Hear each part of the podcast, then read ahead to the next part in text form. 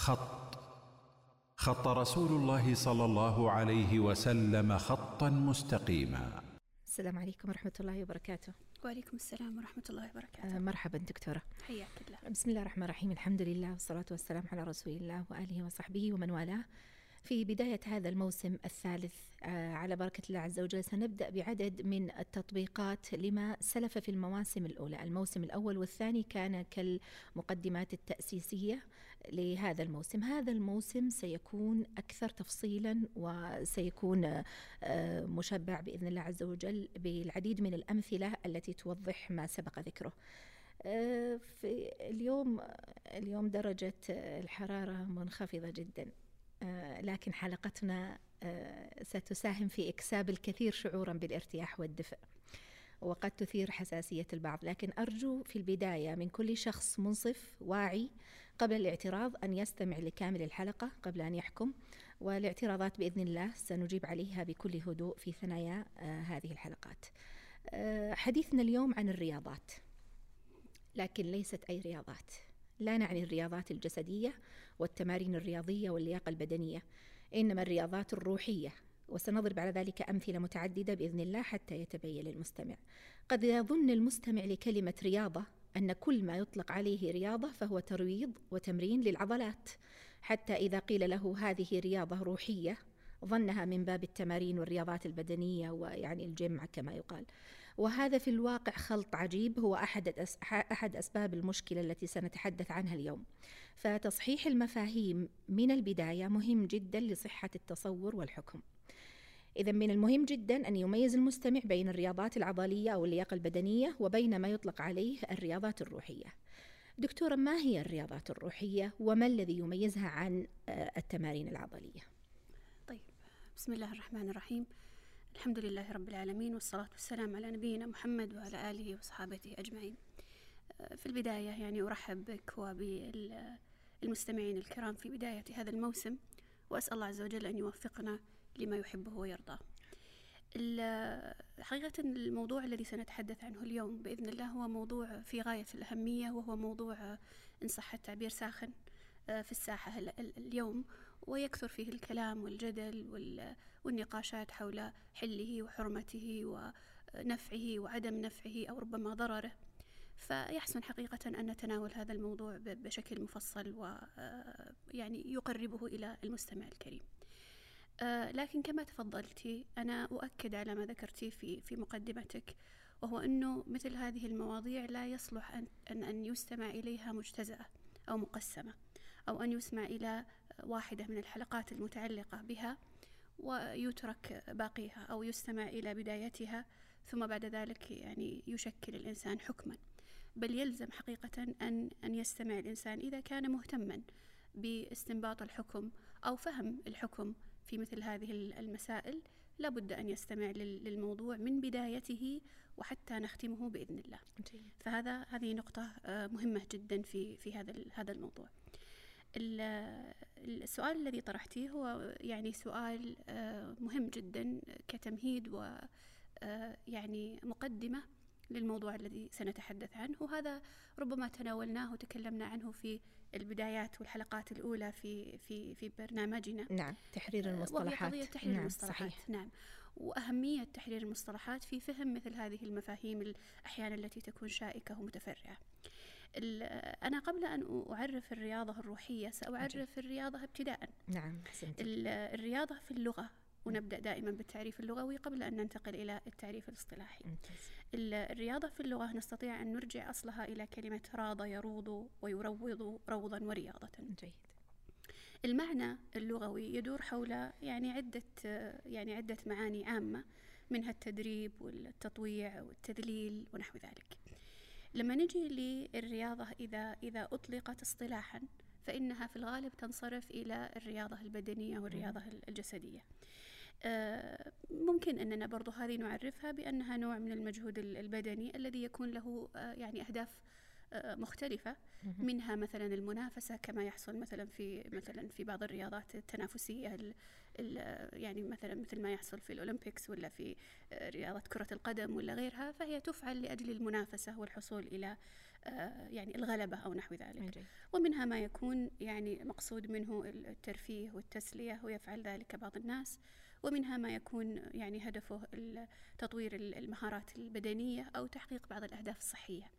فهذه كلها طبعا توجد أهداف أخرى لكنها عموما تدور حول هذه المعاني ال- الإجمالية. آه، هناك أنواع من الرياضات المختلفة التي لا تدخل في هذا المعنى المعنى السابق للرياضة الذي هو المجهود البدني الذي يراد به مثل هذه الأهداف التي ذكرتها بل هي رياضات آه، مختلفة عادة تحتاج إلى تقييد. يعني نحتاج أننا نقول مثلا الرياضة العقلية. مثلا أيوة.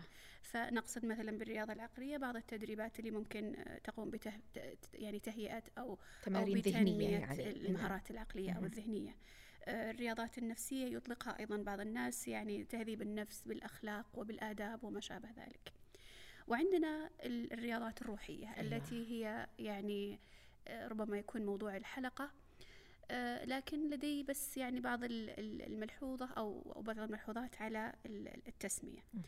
آه، إذا قلنا الرياضة الروحية آه، عادة تستخدم هذه لمعنيين. ال- ال- ال- الرياضات الروحية عند النصارى وهذه يعني ليست ليست شائعة جدا في في ال- في الثقافة ال- ال- النصرانية. لكن يعني بعض بعض الفرق تسميها الرياضات الروحية اليسوعية وفي الغالب ترجع لمؤلفات يعني قديس آه، إسباني كان. موجود في في ال- في القرن التاسع عشر اسمه آه، إغناطيوس. أي. هذا الذي يعني كان يعني يركز على بعض الرياضات الروحية في الإطار النصراني. وفي يعني في في ال- في المقابل تطلق أيضا الرياضات الروحية على بعض يعني الممارسات والطقوس آه، أو التعبدات التي هي في الغالب بدعية التي يقوم بها بعض آه، الصوفية. يعني المقصود أنها متعلقة بالروح لا علاقة لها بشيء ظاهر أو جسدي آه، وهي متعلقة بفلسفة أو اعتقاد أو نعم. طبعا هي ال- الرياضات الروحية النصرانية هي طقوس تعبدية. أيوة جيد. يعني والرياضات الروحية في ال- ال- ال- الصوفية هي كذلك طقوس تعبدية. نعم.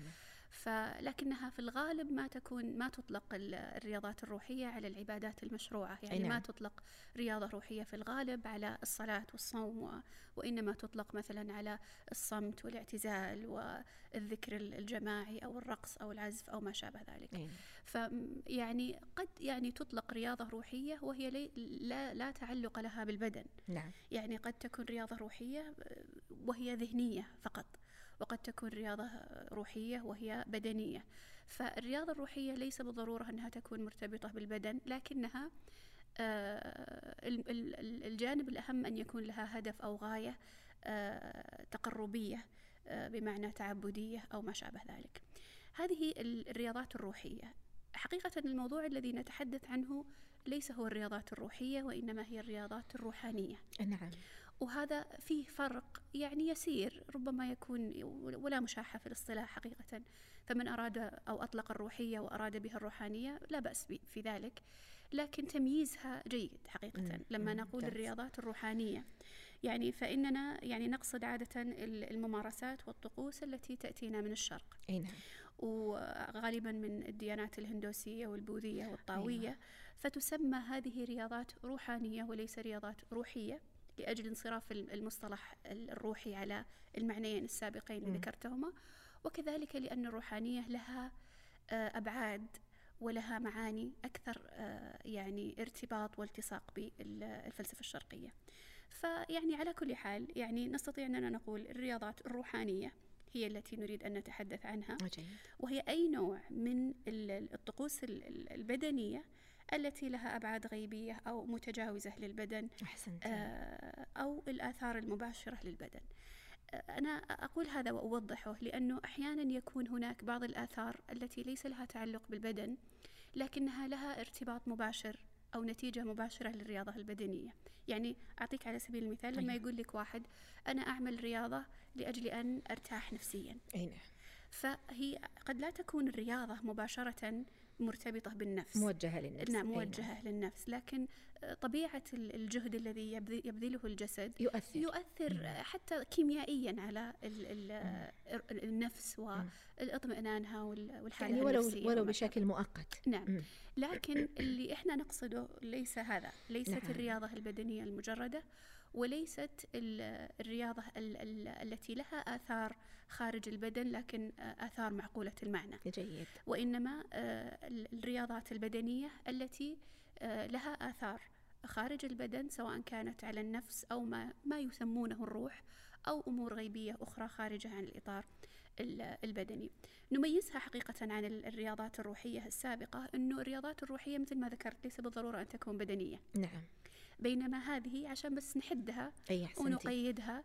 آه، يعني حصرناها في الرياضات ال- ال- البدنية التي لها آثار آه، روحانية أو لها آثار آه، أو لها مقاصد ليس أو لها بالضبط. بالضبط. أحسنتي. بالضرورة أن يكون لها فقط آثار أحسنتي. إنما الأصل الأصل أن لها صحيح. مقاصد روحانية. بالضبط. ولم تكن هذه الرياضات البدنية إلا لهذه أحسنتي. المقاصد الروحانية. أحسنتي. إذا هي رياضات بدنية بمقاصد كما تفضلتي بمقاصد وأهداف روحانية في الأصل ويكون الرياضة ال- ال- البدنية إنما هي شيء تابع وفرعي جيد. للمقصد الأصلي اللي هو للمقصد المقصد الأصلي. الروحاني. نعم. أحسنتي. طيب مثل ماذا يا دكتورة؟ خلينا الآن ندخل للمثال ونبدأ نطبق. يعني أنا يعني الأمثلة كثيرة. ك- يعني ترى كثير من الرياضات التي تأتي من ال- البلدان الشرقية هي مشبعة بالأهداف والغايات الروحانية. وربما من أبرز هذه ال- الأمثلة ال- ال- رياضة أو أنا ما يعني لا أستحسن حقيقة تسميتها رياضة أحسنتي وإنما نقول نظام معين اللي هو أيوة. نظام اليوغا أو أيوة. ممارسة اليوغا نعم. أو طقوس اليوغا لأنه التعبير بنظام أو التعبير ب فلسفة. آه، فلسفة أو طقوس تشمل جميع جوانب اليوغا وجميع أشكالها وليس فقط الجانب الرياضي الرياضي منها ممتاز. اليوغا تعتبر أبرزها وأكثرها شهرة لكن يوجد بعض ال- الرياضات الأخرى اللي لها وجود في الساحة ال- المحلية وفي العالم العربي والإسلامي مثل آه،؟ مثل ال- ال- التاي تشي مثلا نعم. يعني في في مجموعة حقيقة من الرياضات وفي مجموعة من ال- الرياضات التي يعني يدخلها شيء من الجانب الروحاني لكن ليس أصلا لكن فيها ليس أصلا فيها أحسنتي. وهذه وهذه يعني الفرق موضوع بينها نعم. كبير وبين التي أصلها روحاني نعم صحيح وأصلها طقس وأصلها نسك أو أصلها فلسفة بالضبط وظاهرها أو أو فيها جوانب رياضية صحيح لاحقة. أحسنتي. أحسنتي طيب يعني معنى هذا إحنا الآن الخلاصة مما تقدم آه أن الرياضات الروحية مختلفة تماما عن مجرد التمارين العضلية ولا يسوغ أن تدخل هذه الرياضات الروحية مثلا أن يقال مثلا هل يدخل هل يسوغ أن تدخل مثلا في الأندية أو في الجيم أو؟ لا- هي يعني أقرب أن تدخل في المعابد والصومعات أحسنتي. وال يعني أماكن ال- ال- التي تخ- تختص بالأديان أي. وليس في وهي يعني أساسا طلعت من هنا. بالضبط. هي خرجت من هذه المعابد. صحيح. طيب. الإشكالية ترى والمشكلة التي حصلت والخلط الذي حصل في هذا أنه يعني المحاولة المستميتة الغربية لعلمنة مثل هذه مم. الممارسات مم. ومن ثم محاولة نزعها من أصولها أو على أقل أصولها الظاهرة نعم. يعني ارتباطها الظاهر بالهندوسية أو. بالبوذية لكن مع إبقاء الجوهر حقيقة والفكرة ال- الأساسية في هذا ونقلها إلى كما تفضلتي آه، صالات الرياضة أو ما أي- شابه أيوه. فيعني حصل هذا اللبس من من هنا من هذه الجهة لما نرى الغربيين يمارسون هذه الرياضات ليس في المعابد وإنما في صالات الرياضة جيد. فنشعر أنه إذا هي ليست ليست يعني ممارسات اعتقادية فلسفية أو دينية إنما هي رياضات بدنية لا علاقة لها بالدين إي نعم جيد. طيب حديثنا اليوم سيكون منصبا على اليوغا تحديدا لشهرتها ولأهميتها ولأنها يعني التي تأخذ المساحة الأكبر. آه، نبدأ آه، نعرف اليوغا اولا. ندخل في آه، ماذا يعني يعني أنا أتصور آه، يا دكتورة ال- يعني أن كلمة يوغا كلمة يوغا أساسا ليست كلمة عربية قطعا وليست كلمة إنجليزية. فهي لفظ بلغة ما. صحيح. ما هي اللغة؟ نعم. وما معناها؟ طبعا اليوغا مثل كثير من المصطلحات الشرقية المستخدمة في الأوساط الإسلامية والعربية نعم إنما هي مصطلحات معربة وإحنا تكلمنا عن هذا المفهوم الخاص صح. في الحلقات الأولى لما قلنا الألفاظ المعربة هي الألفاظ التي نقلت إلى الحروف العربية والنطق العربي لكنها ليس لها جذور عربية وإنما. جذورها في لغات أخرى نعم. ويمكن ضربنا أمثلة لذلك ال- التليفون والتلفزيون وما شابه نعم. ذلك فليس لها جذر عربي إنما هي كلمة هي قد أتتنا من من لغة أخرى وعربت وحولت إلى ال- الألفاظ العربية نطقت يعني نطقت بحروف عربية وهي لا. تزال ال- ال- بالمسميات نفسها بالتسمية ال- نعم ال- والتسمية نفسها بالتسمية الأعجمية. آه، من ذلك اليوغا طبعا اليوغا آه، لأنه لا يوجد حرف ال- الجا. بالعربية آه، فإنها تكتب أحيانا ال- ال- ال- اليوغا يوجا. بال- بالجيم أو أحيانا تكتب اليوغا بالقاف وأحيانا تكتب ال- اليوغا بال- بالغين. فبعض الناس يختلفون في نطقها وهذا هو التعريب هذا مفهوم التعريب نعم لكنها في في في الأصلي في اللغة الأصلية تنطق. ال- طبعا اللغة الأصلية التي جاءت من هذه الكلمة ونستطيع إرجاعها إليها لفهمها هي. اللغة السنسكريتية القديمة كما هو معتاد يعني كما أي. اعتدنا إحنا أننا كل ما نقف عند في حديثنا عن جميع الفلسفات نعم. الشرقية أن أننا أن نؤصل نعيدها ذلك. إلى الأصول السنسكريتية القديمة وهي لغة هندية قديمة حتى ليست يعني يعني ليست لغة الشارع الهندي إنما هي لغة. كتب قديمة قديمة مقدسة أو شيء من. ذلك طبعا القبيل. تبقى الآثار لا شك. لكنها ليست لغة مستخدمة حديثا تعتبر. لغة. قديمة. نعم. آه، فإذا نحتاج أن نعرف كلمة يوغا وهذا أهم شيء أننا نعرف معنى كلمة يوغا. أحسنتي. قبل أن نتكلم عنها وعن صحيح. حكمها وعن آه، تفاصيل فيها ماذا تعني هذه الكلمة؟ بالضبط. أصلا. بالضبط. وهذا المعنى اللغوي لا شك له ارتباط كبير جدا بالمفهوم الاصطلاحي والمفهوم في الإطار ال- ال- الديني والعقدي والحكم كذلك الذي سيأتي لاحقا. المعنى اللغوي طبعا كلمة يوغا هي مشتقة من ال- الجذر السنسكريتي يوغ. والذي يدور على معاني آه، مهمة جدا أنك تنتبهين لها وينتبه لها المستمع الكريم. الاتحاد والاندماج والاجتماع. تمام؟ يوغ؟ يوغ. اندماج. اندماج. يوغ اتحاد. بالضبط. نعم. بالضبط مثل ما نقول وهذا هذه اللفظة تدور حول المعاني التالية نعم. في اللغة العربية نعم.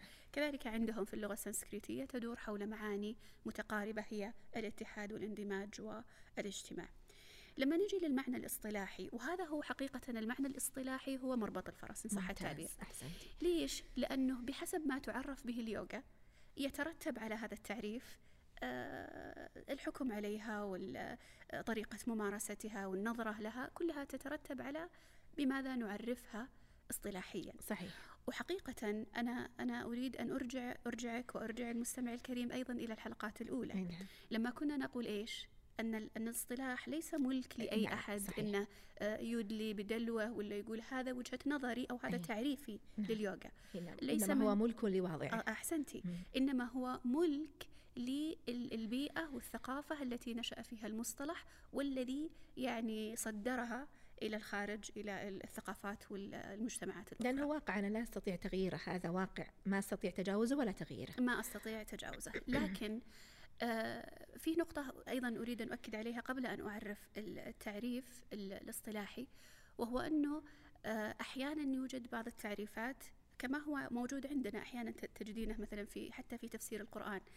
آه، أحيانا نجد أنه في بعض الذين يعرفون مصطلح معين أو عبارة معينة يعرفونها ببعض أفرادها جيد ويعني ببعض آه، فروعها أو, أو بعض أمثلتها. أمثلة. أمثلة أمثلتها أو نتائجها أو أو ما شابه ذلك ولا يعطونها التعريف ال- الشامل. الشامل ال- ال- الكامل وهذا الذي يعني آه، قد أيضا يربك بعض الناس ويلبس عليهم إذا أردنا أن نعرف المعنى الاصطلاحي وهذا المعنى الاصطلاحي ما هو من عند هيفا حقيقة صح أحسنت. أنا لم أخترع هذه المعاني صح. الاصطلاحية ولم آه، يعني أستنبطها حتى نعم. وإنما هي مستقرأة من المصادر الأصلية لمن يتحدث عن اليوغا سواء كان من المصادر الشرقية في الهند ولا في ال في ال يعني البلدان التبت ولا غيرها من من من يتبنى هذه الممارسة بشكل كبير جدا أو من ال- الممارسين المهتمين بالأصول ال- الفلسفية لليوغا أو ال- اليوغا بصورتها الأصلية آه، في الغرب.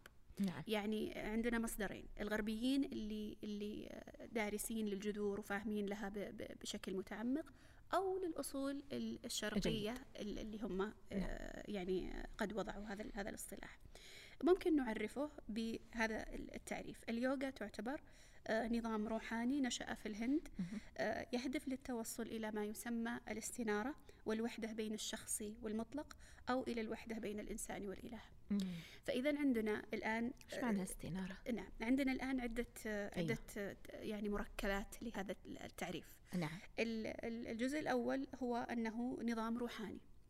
إذا هنا لا هذا تعريف يا دكتورة في هذه المصادر بالضبط وسأتي نقلتيه كما هو نعم بالضبط أنا أحسنتي. أنا استخلصته من مصادر متعددة جيد. الحين سآتي لك بعد جيد. قليل بوقفات نصية أحسنتي. من وأحيلك إلى المصادر جيد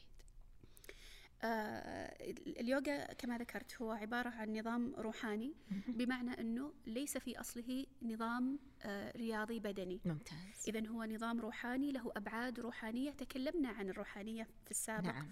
وما هي أبرز آه يعني خصائص هذه صحيح.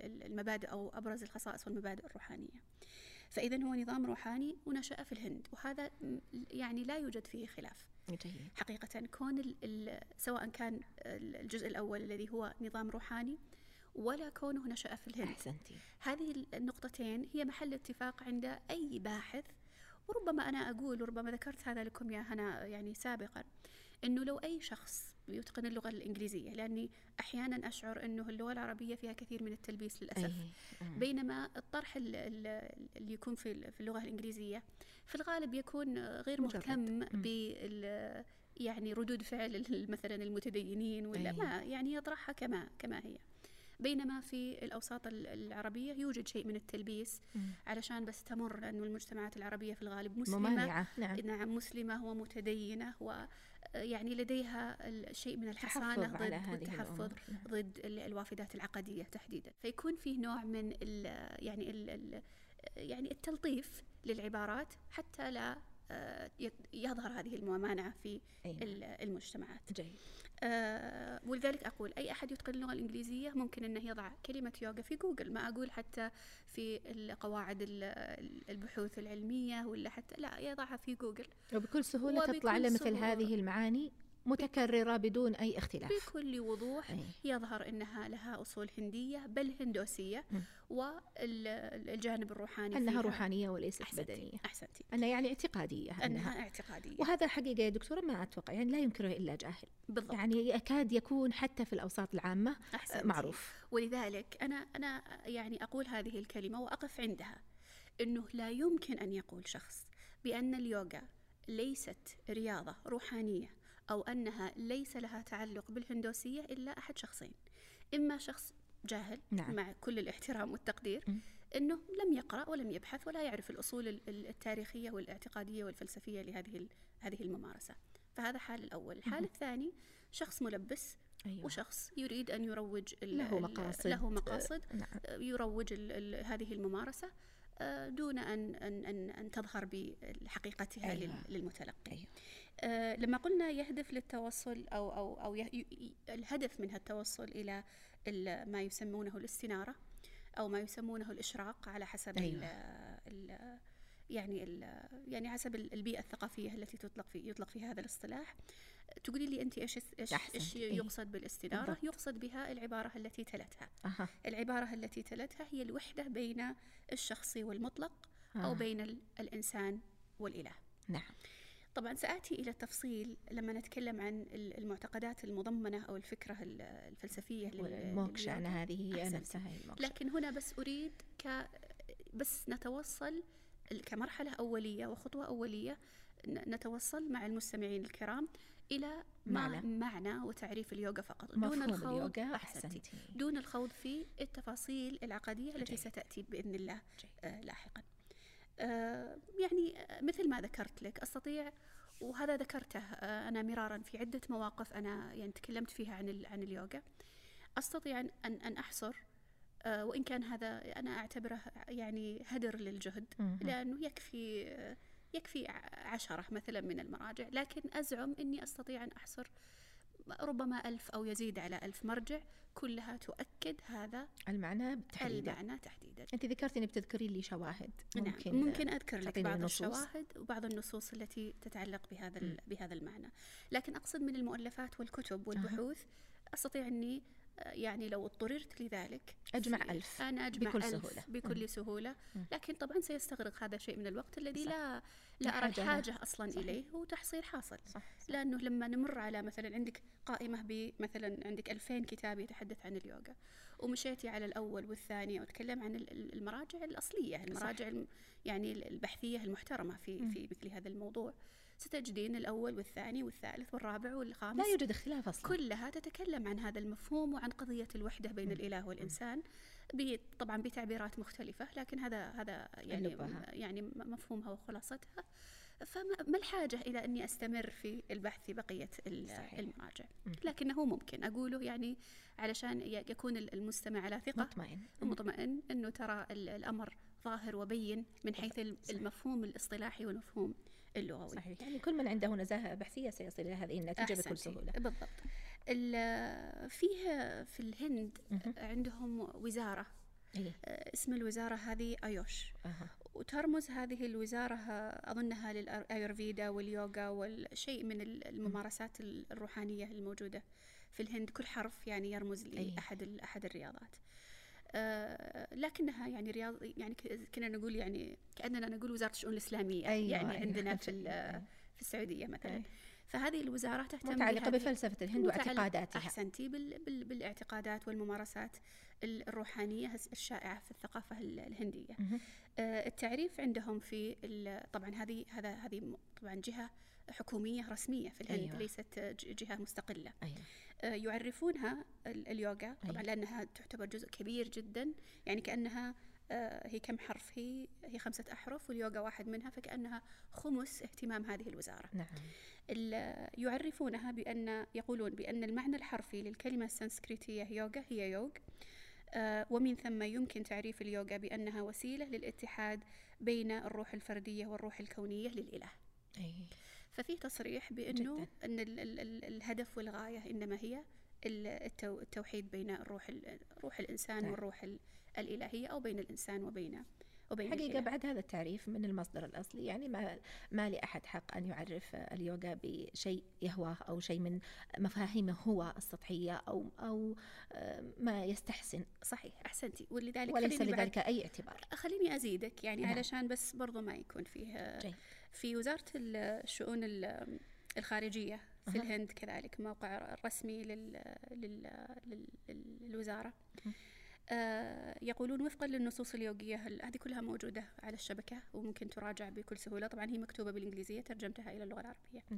وفقا للنصوص اليوغية المقدسة فإن ممارسة اليوغا توصل إلى الاتحاد بين الوعي الفردي والوعي الكوني وتشير إلى الانسجام التام بين العقل والجسد وبين الإنسان والطبيعة مم. وهذا أنا حرصت على أني أذكر هذا المثال لأنه مثل هذه الأمثلة أحيانا تكون مربكة ومشكلة أيوة. عند. الناس فيقولوا لك صحيح أنه التعريف ال- اللغوي إنما هو تعريف آه، يتكلم عن الاندماج وعن الاتحاد لكن ليس المقصود به الاتحاد بين الإله وبين وبين الإنسان الإنسان وإنما المقصود به الاتحاد بين العقل والجسد أو الاتحاد بين الإنسان والطبيعة أو نحو ذلك وأنا أقول حقيقة هذا ليس إلا جزء من التعريف الإجمالي العام لل- من لليوغا المعتقد الكلي لهم من المعتقد مم. الكلي يعني زي لما تقولين مثلا أنت آه، الصوم عندنا إيش الهدف الرئيس من الصوم هو رضا الله سبحانه وتعالى نعم. ليس كذلك. عبادة لكن قد توجد هناك أهداف فرعية للصوم مثلا استشعار آه، حال الفقراء مثلا ترويض أي. النفس آه،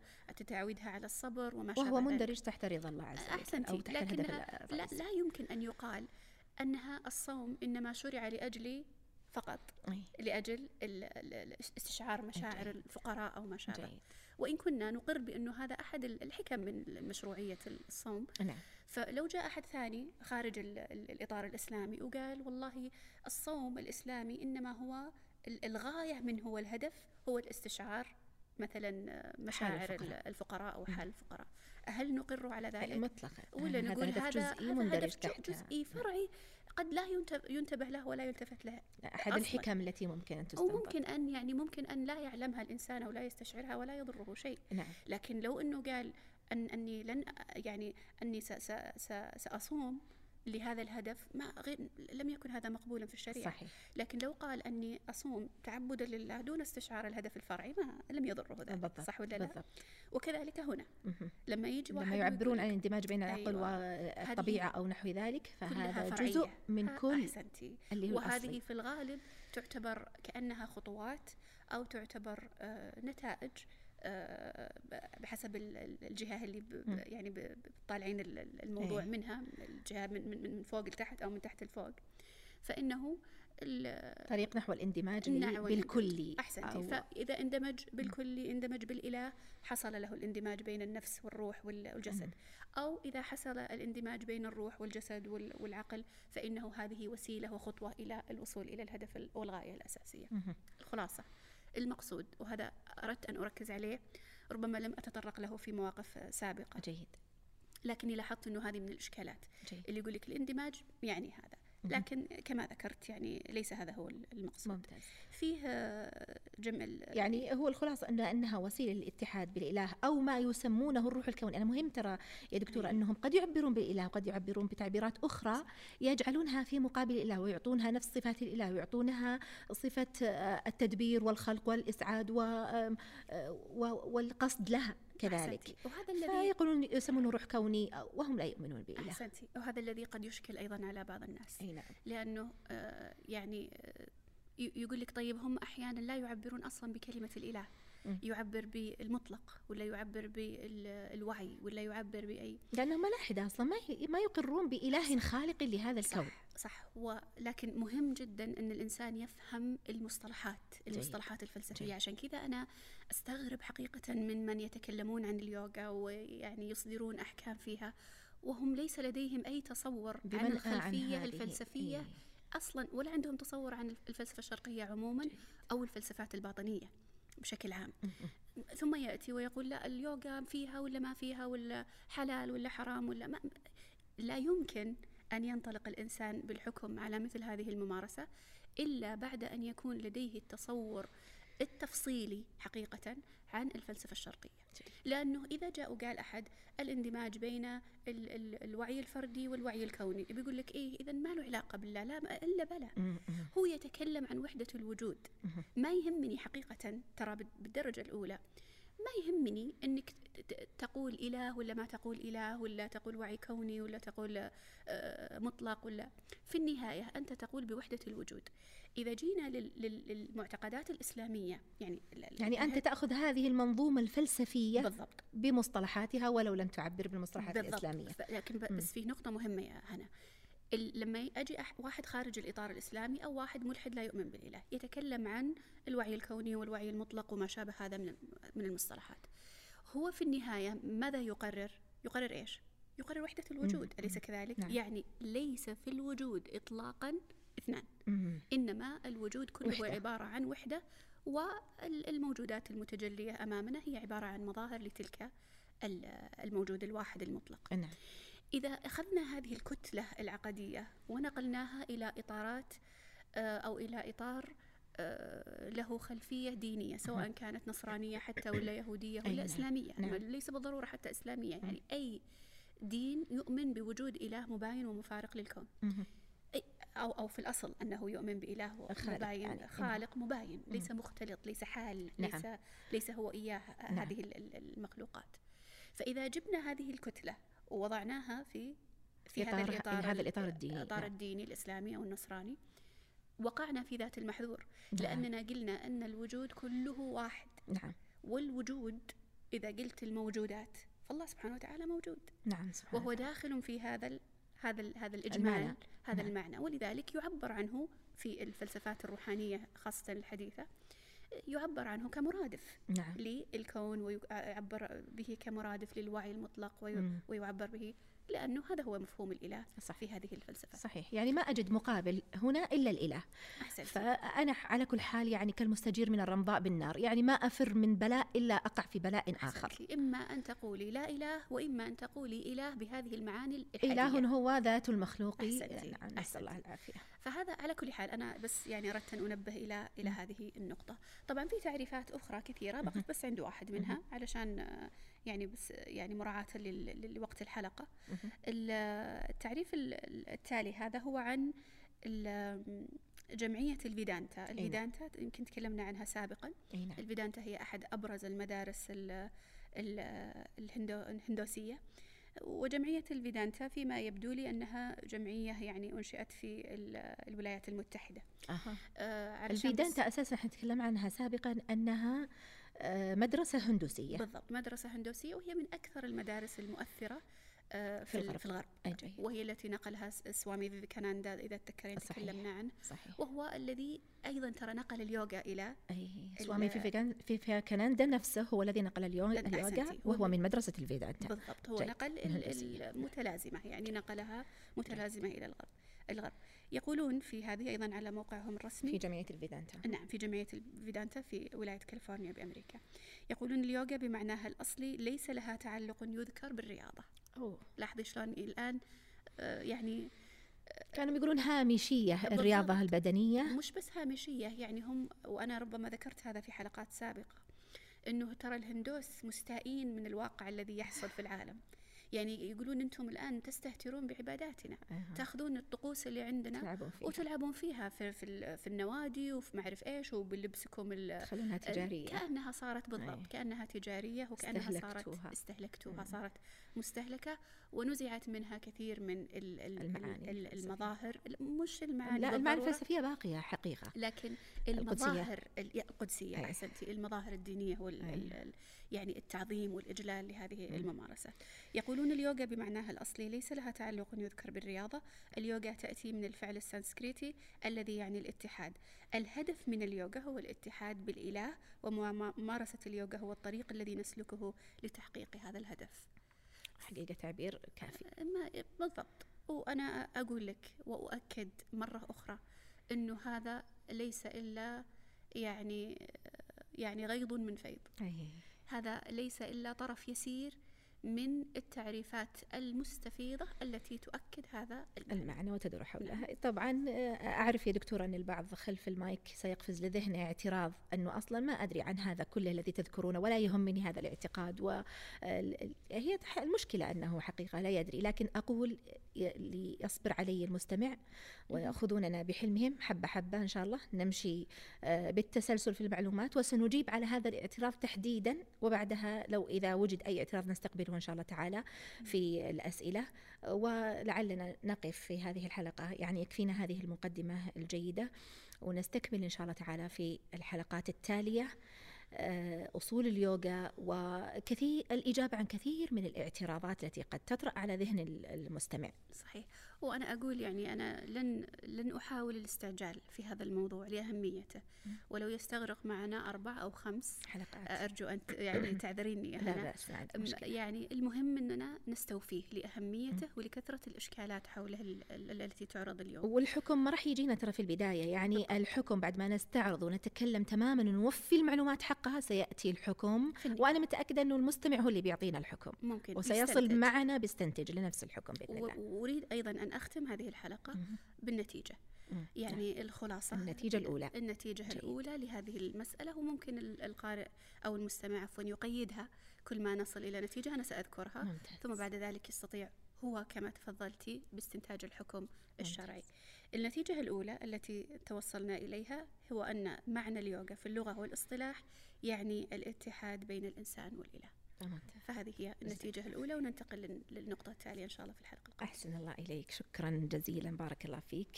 آه، أستودعكم الله الذي لا تضيع ودائعه. السلام عليكم ورحمة الله وبركاته. السلام ورحمة الله.